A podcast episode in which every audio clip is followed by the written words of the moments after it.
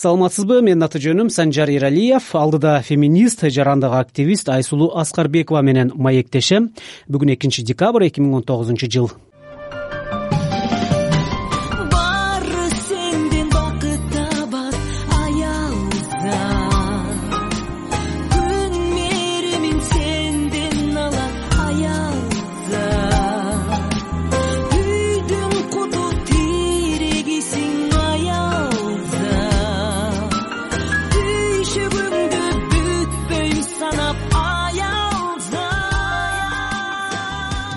кыргыз музыка дүйнөсүндө аялдын улуулугун даңктап аны айга күнгө теңеген ырлар четтен табылат. Бирок социалдык теңдикке чакырык таштап аялдарды баардык тармакта эркектер менен тең укуктуу болушуна үндөп жүргөн жарандык активисттер салыштырмалуу азыраак.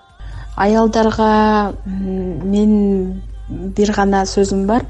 Сураныч алдыга койгон максаттарыңыздан артка кайтпаңыз эмне максат койсоңуз алдыга жүрүңүз? Бул айсулуу аскарбекова ош шаарынын тургуну жарандык активист.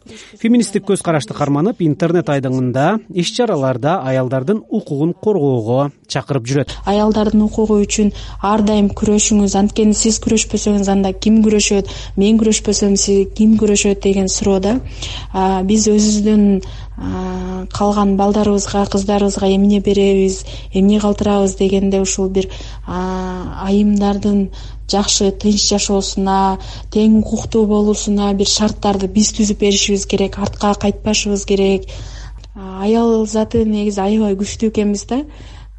Бир кайсыл жерге барба аял заты жөнүндө тема кетсе аялдарды басынтып кемчиликтерин көп айтса да биз ошого чыдап унчукпай угабыз дагы. Бирок бир иштерибизди биз улантып берет экенбиз да. Анын капачылыктарын бүт баарын аркага калтырып туруп жок мен иштешим керек мендей ынтышым керек билимдүү илимдүү болушум керек деп иштей берет экенбиз да. Мен ошол сыпатка сапатка негизи аябай баа берем. Негизинен эгер аял киши үйдө отурам десе анда бул анын өзүнүн бир тандоосу да. Биз ага да туура карайбыз. Анткени феминизм бул сен иштешиң керек сен көчөдө сулуу болуп жүрүшүң керек анан моундай деген бир шарттарды койбойт. Феминизм бул аялдардын тандоосун баалоо сыйлоо деген болот да. А бирок ошол эле аял мен иштейм десе биз жок дебешибиз керек ал иштеш керек ал өнүгүп өсүш керек окуш керек билим алыш керек. Айсулуунун э, башка айтар сөздөрүн бир аздан соң угабыз азыр феминизм дегенге түшүндүрмө бере кетели анткени коомчулукта феминисттерди радикал көз караштагы аялдар деп аларды бир тараптуу сындаган кишилер бар. Феминизм бул эмне? Кесиптешим гүлжан турдубаева түшүндүрүп берет феминизм бул коомдук саясий кыймыл өзөгү латынча феминна дегенден алынган. Котормосу аял дегенди түшүндүрөт. Феминизмдин максаты жынысына расасына ориентациясына жашына социалдык макамына карата басмырланган бардык аялдардын укуктарын коргоо жана тең укуктуулукка жетишүү. Кеңири мааниде алганда алар коомдун бардык тармагында аялдар менен эркектердин тең укуктуулугуна жетишүүнү көздөшөт. Тар мааниде алганда карата дискриминацияны жок кылуу. Феминизм аялдардын көйгөйүн анализдейт. Жогоруда айтып өткөнүмдөй феминисттерге коомдогу пикир бир кылка эмес. Ал тургай улуттук нарк наслге каршы деп сындагандар четтен табылат. Мындай кырдаалда ош шаарында феминист болуунун кандай кыйынчылыктары бар? Айсулуу аскарбековага ушул суроону узаттым. Көз караштар калыптанып калган. Эркек киши эмне кылса да жараша берет анткени ал эркек. Ал эми аял киши болсо үйдө отуруш керек кызга кырк үйдөн тыюу деген бир ушундай сөздөр көп айтылат да. Анан менин досторум арасында дагы бир жыйырма отуз пайызы туура кабыл алып өздөрү да бир мындай маалымат чогултуп феминизм эмне экенин изилдеп ушундай бир жакшы түшүнгөндөр алар мен жакта эле го дейм. Анан түшүнбөгөндөр да бар да. Аялдар деген өз оюн айтпаш керек өз укугун билбеш керек деген бир позицияны карманган эркектер аялдар дагы бар аны да жок дей албайм анткени бизде дагы деле патриархат бар аялдар сүйлөп чыкса эй бул потом эмне чыгып алган үйдө отура бербейби үйүндө ишин кылбайбы деген ойлор көп айтылат. Эми менин эле адресиме менин адресиме көп сын пикирлер айтылат. Анткени мен мындай позициямды ачык айкын айтканы аракет жасайм кайсыл жерде болбосун.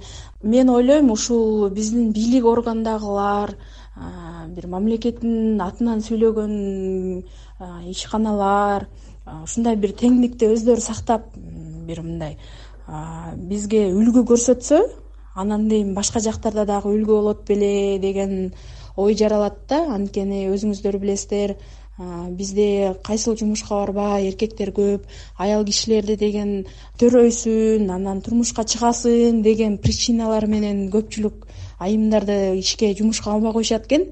Көбүнчө эркек балдар мындай бир бир ишке кирсе узак узак иштейт деп ошолорду алышат экен. Деги эле мекеме ишканалар демекчи э, кыргызстанда э, башкарууда деле аялдардын саны аз экенин укук коргоочулар активисттер бир канча жолу бир канча убакыттан бери көтөрүп келатышат. Э, бул жаатта кесиптешим айгерим акылбекова да макала баяндарды даярдаган. Азыр учкай маалыматын уга кетели расмий маалыматтарды деле айтып өтчүмүн мына шайлоочулардын жарымдан көбү тарыгы элүү бир пайызы аялдар болуп жаткан коомдо. Эмне үчүн ушундай гендердик э, бир баланс жок. Аялдар аз. Маселен жергиликтүү кеңештерде аялдардын саны он бир пайыз. Жогорку кеңеште деле абал бир чеке жылтарлык эмес. Он алты он жети пайыз деп жатабыз.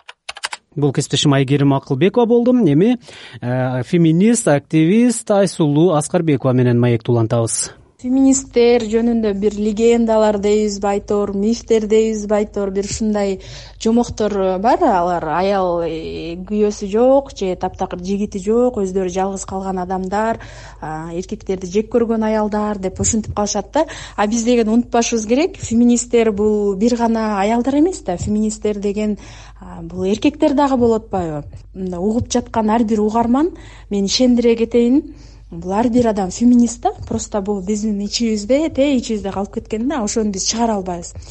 Мисалы илгери бир кыздарды окутпай тогузга чыкканда онго чыкканда турмушка чыгарып бир үйдө бала каратып ушундай бир жашоо кечирсе азыр эми эмне дейт? Атасы турат дагы менин кызым окуш керек диплом алыш керек дейт дагы кызын окутат туурабы жумуш иштесин дейт бир жакшы жаркын жашоодо жашасын деп умтулат да негизи ушул деле феминизмдин бир агымы деп койсо болот да анткени илгери менин кызым окубай эле койсун турмушка чыгат тогузга чыкканда десе азыркылар жок менин кызым биринчи окусун анан турмуш жолго өзү аттанат деген ойлор булар феминизмдин бир бир агымы деген ойдомун да. Айсулуу аялдарга өзүңдү кандай болсоң ошондой сүйө бил деген багытта да кеп кеңештерди берип жүрөт. Анткени биз сегиз миллиард ар башкача адамбыз ар башкача сулуубуз ар башкача идеалбыз да негизи бизчи анан көпчүлүк мага келет да мен ушул боюнча ушул тармак боюнча иштегеним үчүн келишет таптакыр сулуу жигит кыздар келишет ушундай мен мектепте ушинтишет кемсинтишет анан мен өзүмдү да жек көрөмүн кабыл албайм дейт да. Мен алар менен сүйлөшүп бирок ата энелери менен сүйлөшпөй калам да көп учурдачы анан азыр бир ата энелерге бир кеңеш айтайын деп турам ата энелер сизден сураныч үйүңөрдө мындай бир сабактан сырткары эле мындай жакшылап сүйлөшүп адам жөнүндө сүйлөшүп адамдын сулуулугу табияты деген темаларда көбүрөөк сүйлөшсөңөр адам өзүн кабыл алуу деген темада сүйлөшсөңөр балдарыңа сен кандай болсоң ушундай сулуусуң деген сөздөрдү көбүрөөк айтсаңар дегеним.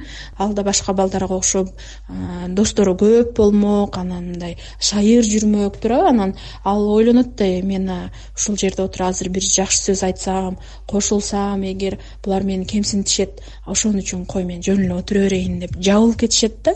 Анан биз ошондо биз адамда болгон талантты жоготобуз да. Кандайдыр бир шыкты жоготобуз ораторское искусство дейт го ошондой бир шыктарды жоготобуз неуверенность пайда болот да? Бул ош шаарынын тургуну жарандык активист феминист айсулуу аскарбекова болду. Анын пикирлери камтылган баянды мен санжар эралиев даярдадым. Программада ырчы кенже дүйшееванын аял зат деген э, ошондой эле кыз бурак тобунун аял дебе деген ырларынан үзүндү колдондум. Аялдар өзүбүздү коргой алсак тең укуктуу боло алсак деген ой андыктан аял заты бири бирибизге тилектеш болойлу жардамдашайлы. Аял дебе аялдын бил түйшүгү балдарым деп тынбай чапкан күн түнү төндүк болсо биздин жашоо элин аял